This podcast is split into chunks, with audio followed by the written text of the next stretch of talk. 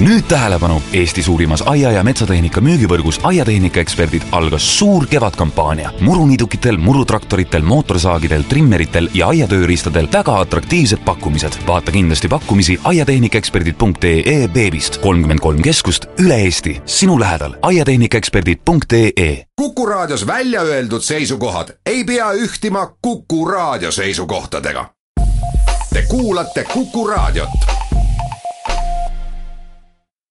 tänasel reedesel päeval on meil stuudios kaitseminister Hannes Hanso, tere tulemast meie stuudiosse!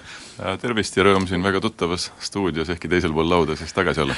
jah, see on sinu jaoks ju väga tuttav koht pikki äh, aastaid olnud. üleeile arutati Riigikogus olulise riikliku küsimusena NATO heidutusvõimekust Läänemere piirkonnas, hetkeseisu ja perspektiive ja loomulikult esines seal ka kaitseminister, milline seis meil siis on? hetkeseis ega julgeolekus ei ole äh, kunagi sellist äh, lõplikku äh, lõpp-peatust nii-öelda, et, et julgeolek on kas valmis, ma arvan, me peame kogu aeg olema suutelised reageerima olukordadele, nii nagu nad esile meie jaoks kerkivad ja ja ma arvan, nagu tähtis mõista siin seda, et ega siis julgeolek ei ole ainult nagu sõjaline julgeolek. Tegelikult iga päev, kui me hommikul üles ärkame, me kas toodame julgeolekut või siis mõnes riik, mõned riigid, kes seda ei Eh, tooda või mingid eh, inimesed.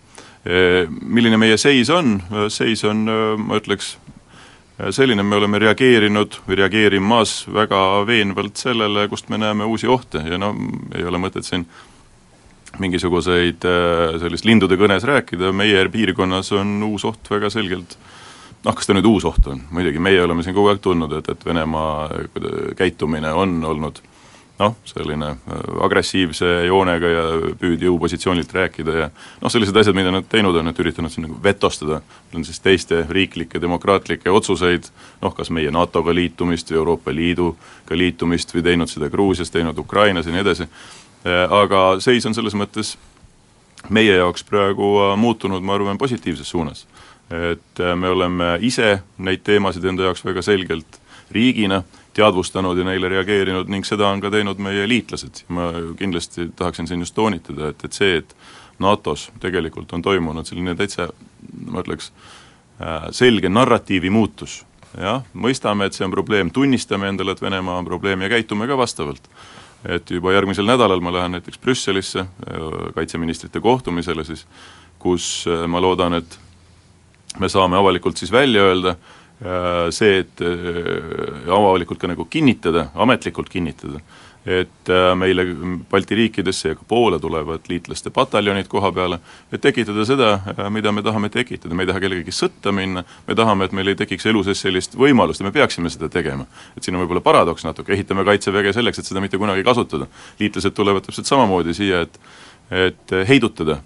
selles mõttes on, ma arvan, meie seis hea, et nii me ise kui ka meie liitlased oleme reageerinud uuele olukorrale ja teinud seda noh, veenvalt ja paindlikult no uudiseid jälgiva lihtkodanikuna, kes iga õhtul vaatab Aktuaalset kaamerat televiisorist, on seda aastaid juba teinud, mulje jääb, nagu toimuks siin Balti regioonis Läänemere ümbruses üks võidurelvastumine. võidurelvastumine on vale sõna, võidu mehitamine. sest et kui ma siin alates nendest uudistest, mis kunagi rääkisid Kaliningradi oblastisse viidud Venemaa erinevatest igasugustest kaugmaarakettidest, lõpetades sellega, et mingi aeg teatas Venemaa ka uue armee loomisest sinna Pihkva maile, ja siis nüüd on täielik segadus sellest, kes kui palju mitme mehega siia nüüd Balti riikidesse tuleb, Visegradi riigid, siin on NATO rääkinud, pataljonist mingi jutt oli, brigaad, tuleb siis kompanii, ühesõnaga palun nüüd hetkeseisu selle koha pealt, kes tuleb, millal tuleb, ma saan aru, et kasarmud on juba valmis? hästi lühike vastus on äh, sellele küsimusele, et ei toimu mingit võidurelvastumist ja ei toimu ka mingit võidu, kuidas sa nimetasid seda, mehitamist? Mehit-, mehitamist, jah. jah, kui me räägime oma kaitseväest ja selle suurusest, siis meil on tegevväelasi noh, kolm tuhat, paar-kolmsada antud hetkel, meil on eesmärk veel natuke kasvada Äh, sinna juurde siis äh, noh, ajateenistuse läbijad igal aastal ütleme sa-, samas suurusjärgus üle kolme tuhande, natukene kolme tuhande paiku, äh, sinna juurde siis reserv, mis meil on, aga noh, need on inimesed, kes on tsiviilis lihtsalt, keda kaasatakse vajadusel, kui rääkida lihtsalt Venemaast, jah, üksinda, siis Lääne sõjaväeringkonnas on kolmsada viiskümmend tuhat, jah, toonitan siis, kolmsada viiskümmend tuhat Äh, meest ja ma julgeks nimetada ikka kõiksugune relvastus, mis planeedil Maa olemas on, äh, lihtsas keeles rääkides. et selles mõttes äh, noh, keegi, kõik, kes hakkavad rääkima võidurelvastumisest, siin eksivad, et kui meile tuleb üks liitlaste pataljon siia juurde, noh, siis me räägime siin ütleme tuhandest kuni tuhande paarisajast liitlasest juurde, liidame selle meie enda kaitseväega, noh keegi ei ole võtnud eesmärgiks mingi külma sõja aegsele sellise reaalse võidurelvastumise juurde naasta, et, et noh, lihtsalt Saksamaal oli viissada kaheksakümmend viis tuhat sõjaväelast kunagi külma sõja tippperioodil, täna on sada seitsekümmend viis või sada kaheksakümmend.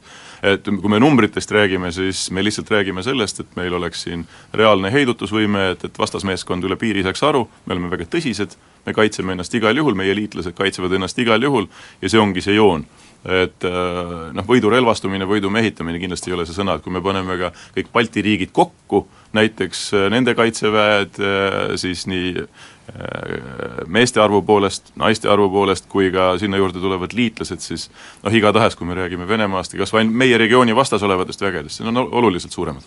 selgelt inimjõus me vastu ei saa, aga nüüd jäi ikkagi see küsimus, et, et kes tuleb, millal tuleb ja kust kohast tuleb? Äh, ei saa teile veel öelda kahjuks, et äh, meil on äh, tarvis ametlikud otsused ära teha ehk siis et kõik riigid, kes on seo-, seotud nende protsessidega ja neid on kakskümmend kaheksa, ehk siis NATO liikmed, peavad kõigepealt ametlikult nendele asjadele alla kirjutama. Järgmisel nädalal toimub Brüsselis siis NATO kaitseministrite kohtumine, kus ähm, kus ma loodan, me saame välja öelda, mis suuruses üksused tulevad ja võib-olla saame ka välja öelda mõned riigid, kes tulevad nii-öelda raamriigid, kelle pataljonid tulevad ja kelle, kelle koosseisus siis hakkavad roteeruma teised, äh, teised meie äh, liitlased. Äh, informaalselt on nendest asjadest juba pikalt räägitud, aga ma ei tahaks praegu veel üht, ennast nii-öelda nagu nurka maalida, et, et see, need on alati need protsessid, mis toimuvad, nagu väga sellised põhjapanevad, väga pika vaatega tulevikku ja, ja tähtis on, me teame, et need liitlased siia tuleksid, detailidest räägime siis, kui me oleme valmis seda nagu ametlikult ütlema. aga ütlen, et kõik NATO suured riigid äh,, iga kuulaja teab, ma usun siin stuudios ka kõik teame, kes need on, ühte või teistpidi on selle protsessiga tulevikus seotud üks asi on need mehed, kes siia tuuakse, eks ole, ja äh, need väeosad, aga teine asi on õppused ja õppused toimuvad ikkagi väga tipptasemel praegusel ajal, noh me teame ju, et praegu on siin kohal isegi USA strateegilised pommitajad B viiskümmend kaks H, mis on ikka eriti ägedad relvad. Ja see peaks nüüd tõepoolest meie võimalikku vastast üsna heidutama, eriti see, et nad hakkavad ka tiibrakettidest täpsust tulistama, mis tähendab seda, et tiibrakett on Venemaa jaoks üks väga hoiatav äh, sõjavahend. Äh, antud hetkel tõepoolest õppusi käib palju ja regioonis, siis ütleme, Läänemere regioonis on äh, liitlaste, meie liitlaste kohalolek pretsedenditult suur, ma arvan, kui me praegu erinevad õppused kõik kokku võtame, nende seas siis Baltops ja Saber Strike ja Poolas ka Anaconda kuusteist, mm, ma ei ole need täpselt numbrid kokku liitnud, aga me räägime umbes viiekümnest tuhandest äh, siis liitlassõjaväelasest, kaasa arvatud meie enda omad, kes nendes, nendel erinevatel õppustel osalevad, ja ka päris palju kõikvõimalikku tehnikat, on siin noh, näiteks Baltopsi raames üksinda. nelikümmend üheksa laeva, mitmed allveelaevad, äh, kuuskümmend üks lennu, äh, lennuvahendit et äh, me peame mitte ainult olema liitlased laua taga, äh, vaid ka liitlased reaalses elus, ehk siis kokku harjutama erinevaid stsenaariume ja nendele reageerimist. et selles mõttes on see täiesti mõistetav, et äh, me peame koostööd tegema.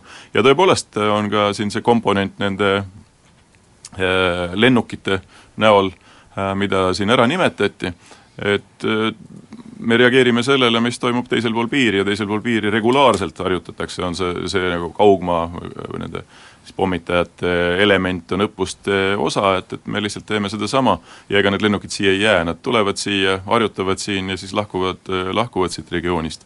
aga nagu öeldakse, et äh, raske õppusel, kerge lahingus, et, et me peame neid, nende asjadega tegelema ja tegelemegi erakordselt aktiivselt.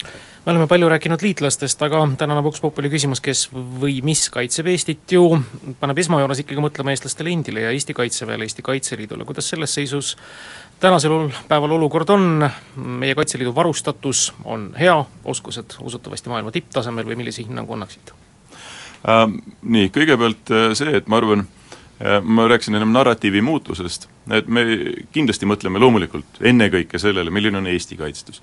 aga me ei saa kaitsta Eestit ilma Lätita või Leeduta või kindlasti ei saa me Eestit kaitsta näiteks ilma Poolata. et äh, seetõttu, kui me vaatame, noh, me oleme alliansi liikmed, jah, me teame, kust NATO piir jookseb, see jookseb jah, käisin üks päev just kohal seal Piusa kordoni tagant kusagilt, jookseb mööda Narva jõge, see ongi NATO piir, me kaitseme seda kõike tegelikult ja noh, pole mõtet vaadata eraldi osi, kui me räägime artikkel viiest kui millestki, mis kehtib äh, siis see kehtib igal pool NATO piirides, täpselt samamoodi meil siin Kuku raadio stuudios kui kusagil Washingtonis, eks.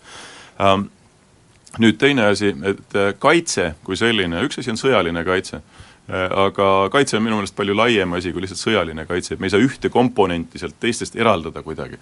Et meil on Eestis ju ilmselgelt nagu Kaitsevägi, siis on Kaitseliit, siis on Politsei-Piirivalveamet, on kõikvõimalikud teised jõustruktuurid, on piirivalve ja nii edasi ja nii edasi, aga lõpuks see kaitse on palju laiem, et, et meil peab olema töötav meditsiinisüsteem, meil peab olema äh, Äh, meil peavad olema inimesed, põhimõtteliselt kõik lapsed, kes meil sünnivad, on ka mõnes mõttes osa meie kaitsest, et me usume oma riigi tulevikku, me ehitame seda riiki ja, ja me jätkame riigina, ma ei tahaks neid nagu lahti kiskuda, kõiki neid erinevaid valdkondi, kui me räägime kaitsejõududest, siis on täiesti selge, et, et meil on noh, pikaajaliste plaanide järgi süsteemselt arendatav kaitsevägi, mis on ähm, tõesti teinud oma paarikümneaastase siis taasiseseisvumise järgse ajaloo jooksul ikka meeletu arenguhüppe ja oleme jõudnud sinna staadiumisse, kus meil on noh, esimesed brigaadid, eks on esimese jalaväebrigaad, esimene jalaväebrigaad, see on täielikus lahinguvalmiduses, on teine, mis järgmise nelja aasta jooksul selleks saab, me alustame soomusmanöövervõimekuse ülesehitamist, jalaväe lahingmasinad kõigepealt, eks me liigume selle, nende erinevate siis plokkide kokkupanemisega edasi, kuni meil on täielik soomusmanööver võimekus meie sõdurid on väga hästi välja õpetatud, väga professionaalsed, rahvusvaheliselt hinnatud äh, ja selles mõttes oleme, ma arvan, kõikide meie liitlaste jaoks vägagi usaldusväärsed partnerid. kaitseliit, selline turvavaip, eks, üle terve riigi, kakskümmend viis tuhat liiget esimese jaanuari seisuga. täpsustan, kakskümmend viis tuhat ja üks liiget. see siis sisaldab ka noorkotkaid ja, ja kodu äh, meenutage nüüd. Äh,, jah, ühesõnaga naisorganisatsiooni ja nii edasi. Äh,, aga nemad on meie kiirreageerimisstruktuuri osa, kokku me saame, saame siis nii-öelda kiirreageerimisstruktuuris on meil kakskümmend üks tuhat äh, meest ja naist, et äh, kõik need komponendid kokku ikkagi moodustavad nii-öelda siis selle tõsise sõjalise äh, kaitsevõime, nii et äh, minul on Eesti äh, nii sõjamehesse kui, kui naisesse ja, ja kõikidesse nendesse organisatsioonidesse mitte ainult usku, aga teadmine, et igal juhul, kui meid peaks mingisugune oht ähvardama, siis me ka ennast kaitseme, et neid noh, õppetunde ajaloost ma arvan, pole mõtet korrata, Eesti kaitseb ennast igal juhul. saadet toetab Investly, kuni saja kahekümne päevaste arvete eest raha kohe kätte. Vox Populi.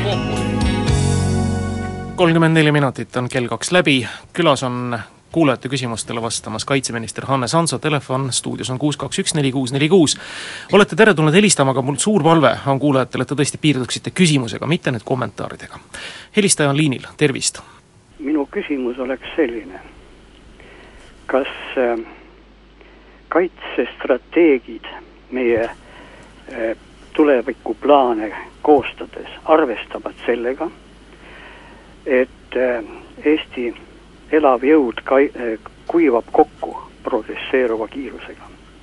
praegu on äh, sündide miinus üle kahe tuhande ja see arv kasvab kiiresti. see tähendab seda, et tulevikus elav jõudu meie armees jääb üha vähemaks ja vähemaks. veel hullem on lugu sellega, et meil maksumaksjaid jääb üha vähemaks ja kuna relvastus on üha kallim ja moodsam, siis eh, me suudame osta ka üha vähem moodsat relvastust. Eh, sellega on juba tagatud olukord, kus eh, meie kaitsevõime, kas me tahame või ei taha, kuivab kokku. ja, ja siin ei aita ka see, et me siin toetume praegu hetkel veel lääne armee võimsusele, sest ka lääne äh, rahvastik kuivab kokku ja veelgi kiiremini kui meie muide. ja mis kõige hullem on see, et meie noorte hulgas, eriti noorte naiste hulgas on, on, on kujunemas väga perekonnavaenulik ja järglaste vaenulik suhtumine ja mentaliteet hiljaaegu üks noor naine härra, kas te saaksite küsimusele keskenduda, me ei saa lihtsalt teid kümme minutit kommentaare kuulata. küsijaid on palju. ma ütlen ainult ühe asja veel ära, üks noor naine eh, kirjutas Delfis väga lõkendava, tähendab perekonnavaenuliku lõkendava artikli sellest, eh, ühesõnaga, kuidas tema ei soovi ei perekonda ega järglasi. ja nüüd ma veel kord kordan küsimust. kas eh, neid kaitsestrateegilisi plaane koostades me meie strateegid arvestavad sellega, et meie rahvas kuivab kokku. aitäh! nii, tänan küsimuse eest ja täitsa põhjendatud küsimus, ma ütleksin, see on üks valdkond, mille peale me oma plaane tehes, äh, ma ütleks, igapäevaselt mõtleme. ja kui me räägime riigikaitsest, siis tõesti selle aasta me läheneme sellele nii-öelda strateegilisi eesmärke seades kümneaastases võtmes, viimati kinnitati selline kümneaastane kaitse, kuidas ma ütlen siis, kaitseväe arengukava äh, kahe tuhande kolmeteistkümnendal aastal, ehk siis aastaks kaks tuhat kakskümmend kaks, saab see plaan läbi ja nüüd me sel aastal, selle aasta lõpuks äh, koostame järgmist sellist pikaajalist visiooni sellest, et millist riigikaitset me järgmise kümne aasta jooksul ehk aastani kaks tuhat kakskümmend kuus näha tahame. Ning loomulikult peame me demograafiliste protsessidega äh, arvestama. Nüüd äh, iive Eestis negatiivne minu teada ei ole, ma ei ole otseselt demograaf, ent lehelugejana tean, et äh, meil on äh, möödunud aastal näiteks riigis tegelikult elanikkond kasvas, mitte ei kahanenud. Ja ise panustan ka hästi, viies laps kohe juulis peaks sündima. et, et, et selles mõttes näen ka asja väga selgelt positiivset poolt.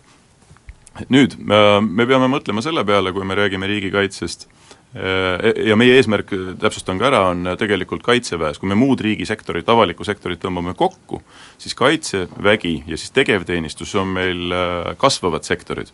ja viima-, noh, möödunud aasta näiteks oli väga hea aasta, et meil on eesmärk tõsta siis aastaks ka-, kaks tuhat kakskümmend kaks oma kaitseväelaste, tegevväelaste arv kolme tuhande kuuesaja äh, tegevväelaseni, mehe ja, mehe ja naiseni. Ning kui me teeme praegu kümneaastast plaani, siis me peame noh, võtma vastu väga selliseid pragmaatilisi otsuseid selles osas, kuhu me, kuhu ja kas me veel tahame kasvada, ma arvan, et tahame äh,, tahame veelgi kasvada. nüüd kaitseväelase, ühiskonnas meil ju inimesi on. äh,, eks siin on palju erinevaid protsesse, meie tegeleme, kui me räägime ajateenistusest näiteks, tegeleme inimestega, mida ühiskond meile juba valmis on tootnud, ma ei taha inimese kohta kindlasti öelda sõna toode, aga noh, põhimõtteliselt see, see on see produkt, eks, kui keegi saab kaheksateistaastaseks, noh, milline ta siis on. näiteks meil on aastas umbes kolmteist tuhat sellist äh, kutsealuse ikka jõudvat äh, noormeest, äh, meditsiinikomisjonidest läbib, nagu kuulutatakse Kaitseväe kõlblikuks, neist ütleme, üle kolme tuhande, kolm tuhat kolmsada sinnakanti umbes.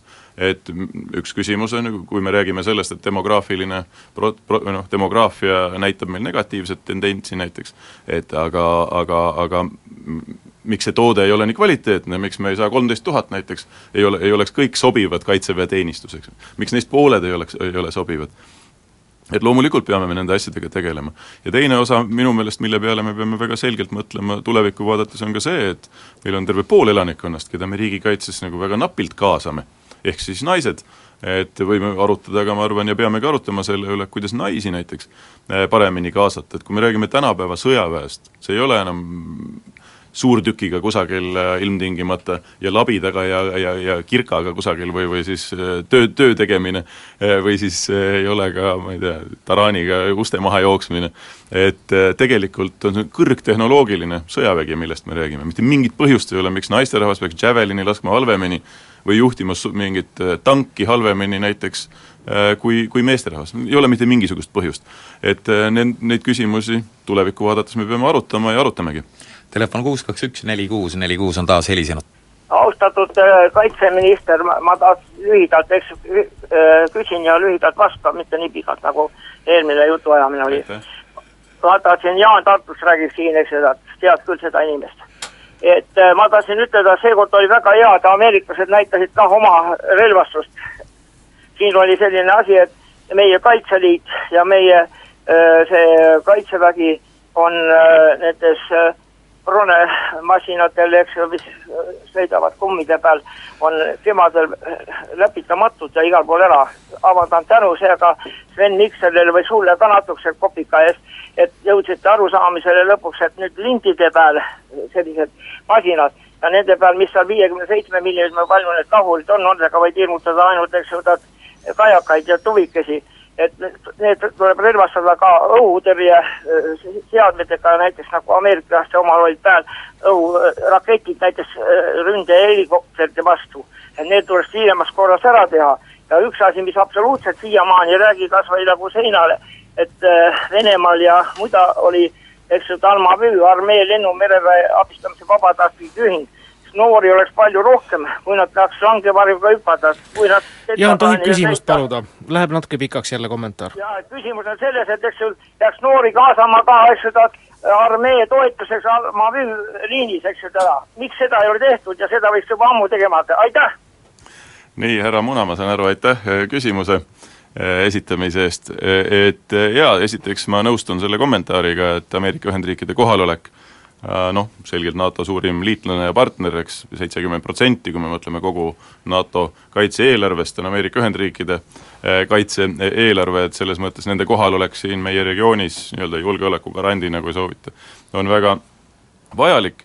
Ja nüüd lindude hirmutamisest tahame me kindlasti, me ammu oleme sellelt tasemelt eh, juba no ka valgusaastate kaugusel, et ega ühtegi võimekust ei ehitata üles eh, korraga sekundi pealt, et, et see ei ole mingisugune selline lühiajaline ja kiire protsess. et kui me vaatame tulevikku, siis soomusmanöövervõimekuse ehitamine on pikaajaline protsess, mis hästi paljude, koosneb hästi paljudest erinevatest komponentidest ja nii-öelda ütleme, alusplokkidest. et me ei saa hakata, meie loogika on väga lihtne, et maja alustatakse, maja ehitamist alustatakse vundamendist. kõigepealt pannakse paika vundament, siis ehitusplokid peale, lõpuks katus ja korsten ja satelliitantenn ka, kui tahate. Et see, et see jalaväe lahingmasinate hange on üks osa pikast äh, protsessist ja just hiljuti õppustel Kevadtormi äh, Äh, raames rääkisin ka hollandlastega, kes nende samade jalaväe lahingmasinatega, mida me nüüd hakkame hankima, nelikümmend neli tükki, pluss veel, äh, mis hakkavad sel aastal juba siia saabuma, ja ne-, pluss veel need toetus, äh, toetusmasinapark, mis nendega kaasa tuleb, et need on ülimalt kaasaegsed, ülimalt efektiivsed ja ülimalt vajalikud elemendid selle toetusmanööv-, soomusmanöövervõime arendamisel. Me räägime siin tulevikus liikursuurtükkidest ja vot siis saame hakata rääkima ka äh, tankidest, nii et asju ehitatakse ükshaaval, samm, sammhaaval ja loogilises järjekorras, nii et äh, ma arvan, kogu see tehnika, mida me hangime, me oleme seda väga selgelt läbi mõelnud, mis sammudega, mis järjekorras me teeme, ja süsteemselt sellele küsimusele ka lähendame, nii et mina ei muretseks, Eesti Kaitsevägi areneb väga selgelt, pluss jah, kõik see uus tehnika läheb järjest kallimaks, on äh, järjest kõrgtehnoloogilisem Äh, nii et äh, loomulikult siin enam alati ei määragi suurus, vaid määrab seda, mida sa sellega kõigega teha oskad tegelikult ka. Vox Populi stuudios on meil kaitseminister Hannes Hanso, kes ootab meie kuulajate küsimusi, telefon kuus kaks üks neli kuus neli kuus on helisenud, tere! tervist, ma pensionär Pärnust. Mina arvan, et see niisugune rõhk on pandud selle kaitse peale, kelle eest me praegu tõesti kaitseme, see võiks, ma ei tea, nii kui Hitler tegi Atlandi valli ette kuhjas ja kuhjas mitte midagi on sellest tolku.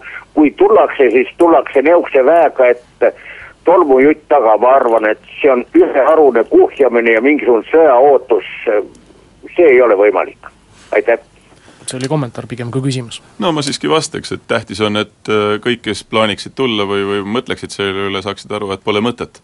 ja me ehitamegi üles just nimelt Kaitseväge ja seetõttu me olemegi ka NATO kui kollektiivkaitse organisatsiooni äh, liikmed, et äh, me ei peaks kunagi sellesse olukorda sattuma ja kindlasti ma ei ostaks ka ära seda, kui tullakse siis tolmujutt taga meist üle, kindlasti mitte.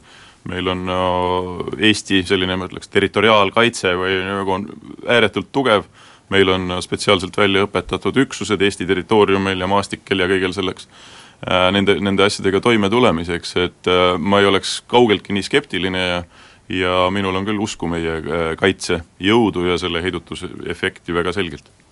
Kuus kaks üks neli kuus neli kuus on taas helisenud, tervist! tervist! tähendab, kõigepealt ma pean ütlema seda, et äh, ma väga vabandan, aga härra Hanso, teie, teie hinnang Eesti demograafilise seisundi kohta on väga hurraapatriootlik ja äärmiselt vildakas. aga nüüd küsimused. Äh, miks ei ole äh, loodud alaliselt tegutsevat Balti riikide sõjavägede peastaap, mis on kogu aeg valmis, nii kui esimene pauk käib, nii on käsuliin paika pandud ja nii edasi. Hakatakse ühiselt tegutsema. Miks ei taotleta NATO-lt, noh analoogiliselt nagu Eestis on ehitatud eurorahadega maanteid, analoogiliselt, et NATO relvastaks Eesti armeed me ei suuda mitte kunagi luua korralikult varustatud armeed, mitte kunagi, meil ei jätku selleks raha. see on meie liitlaste kohustus neid relvastada. siis teiseks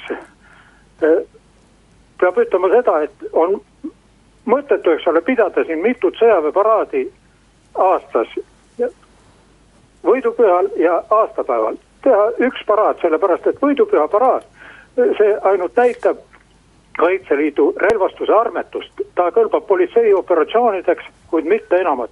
ja neljas küsimus on veel, Riho Terras võiks valikuliselt panna rinda oma aurasid, sest praegu see on natuke liiga operetlik, kui võrrelda, ütleme Sergei Šoiguga, eks ole, Martsaliga Venemaal, siis Terras ületab Šoigut kolmekordselt oma aurade järgi, aga tihtipeale on just nii, et riigi kaitsevõime on pöörvärilises sõltuvuses vägede juhataja aumärkidega, aitäh teile! noh, mõned osad sellest jutust ma võib-olla jätan äh, kommenteerimata, ent osade osas, mis puudutab näiteks Balti koostööd, kindlasti äh, kommenteerin. ja ühisrahastuse, NATO ühisrahastuse teemat ka et kõigepealt on meil väga hästi funktsioneeriv Balti pataljon, väga suure rahvusvahelise kogemusega meie oma, kolme riigi vahelise koostöö nii-öelda üks, üks lipukandjatest, ja teiseks, et see Balti ühine juhtimine Äh, on ainult murdosa sellest, mis on NATO ühine juhtimine, et, et selles mõttes me peame olema ja olemegi osa palju suuremast juhtimissüsteemist, mis on loomulikult kordades ja kordades, sadades kordades võimekam kui mingisugune Balti juhtimine. et selles mõttes äh, meil ei ole mõtet minna ja sellise regionaalse, sel-, madalama taseme juhtimise peale, kui meil on olemas terve NATO kui organisatsiooni ühine juhtimine, et see oleks kommentaar võib-olla sellele. Teiseks nüüd see, et kas me suudame ise hankida endale kogu relvastust, loomulikult Eesti tuumarelva kunagi arendama ei hakka, lennu, kuidas ma, lennukikandjaid ehitama ei hakka ja ilmselt ka lähiperspektiivis, vähemalt kui keskpikas perspektiivis, ütleme sellist ründelennuväge, hävituslennuväge arendama ei hakka, aga selle juba tegelikult ju kompenseerivadki meil siin olevad liitlased, eks Ämarist, ma usun, ka paljud Eesti kodanikud on Äh, elanikud on näinud, äh, lendavad välja meie liitlaste lennukid, praegu on seal britid, on olnud sakslased, on olnud belglased ja nii edasi ja nii edasi ja nii edasi. et see kõik tegelikult juba toimub ning kui me vaatame nüüd tulevikku, siis see NATO ühisrahastamine, ma ei hakka rääkima kõikidest nendest asjadest, mida siin Eestis juba tehtud on, aga siin äh, Äh, lähitulevikus ma loodan, me saame otsused, kus tuleb kümnete miljonite eurode eest NATO ühisrahastust just nimelt äh, Eestisse selleks, et liiklas, liitlasi paigutada, nendega tegeleda, vastu võtta ja, ja seda, kogu seda taristut ja infrastruktuuri äh, üles ehitada. Ning kõige lõpuks tegelikult on meil kaitse-eelarve kaitse-eelarvest nelikümmend protsenti läheb investeeringuteks, see on erakordselt kõrge protsent. Ja kui me räägime, et sel aastal on meil kaitse-eelarve ütleme nelisada viiskümmend miljonit eurot, see kasvab aasta-aastalt koos majanduskasvuga, me räägime järgmise nelja aasta perspektiivis ikkagi ütleme siin kaheksasaja paarikümnest miljonist eurost, ma ei alahindaks seda summat, kui need investeeringud nagu me teeme, õigesse kohta lähevad, siis tegelikult on tegu ikkagi väga arvestatavate vahenditega, mis meil riigikaitsesse lähevad. aga me peame olema kaitseplaneerimises selgelt kahe jalaga maas, mis on jätkusuutlik, seda teeme.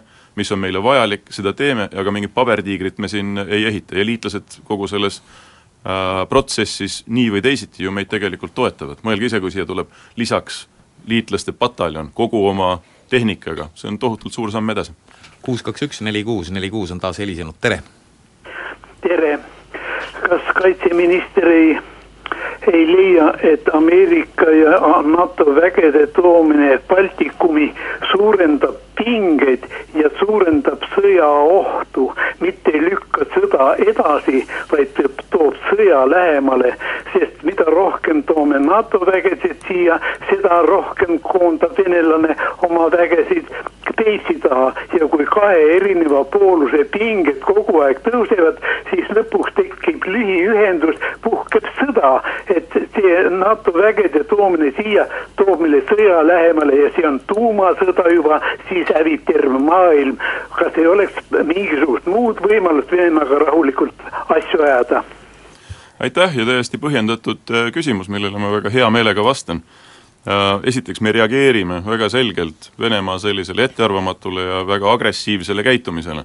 vot mina ei suuda aktsepteerida, et Venemaa vaatab mingisuguseid oma naabreid, nagu näiteks Gruusia puhul, ja lihtsalt sõjaliselt amputeerib nii-öelda kaks suveräänse rahvusriigi osa, Lõuna-Osseetia, Abhaasia. vot ei suuda vaadata pealt, kuidas lihtsalt sõidetakse sisse Krimmi, annekteeritakse see ebaseaduslikult või Ida-Ukrainas näiteks kõiki neid piirkondi, mida Venemaa toel praegu aktiivselt äh, okupeeritakse. et siin on käitumismuster, see ei ole mingisugune erand. ja öelda nüüd, et me provotseerime kuidagi Venemaad äh, ennast koos oma liitlastega kaitses, no vabandage väga, ei taha öelda teistmoodi, aga ikkagi see on naeruväärne et äh, meie mingeid provokatsioone ei korralda, me reageerime agressiivsele ja ettearvamatule naabrile, kes kogu oma otsustusprotsessis on ääretult autoritaarne ja läbipaistmatu.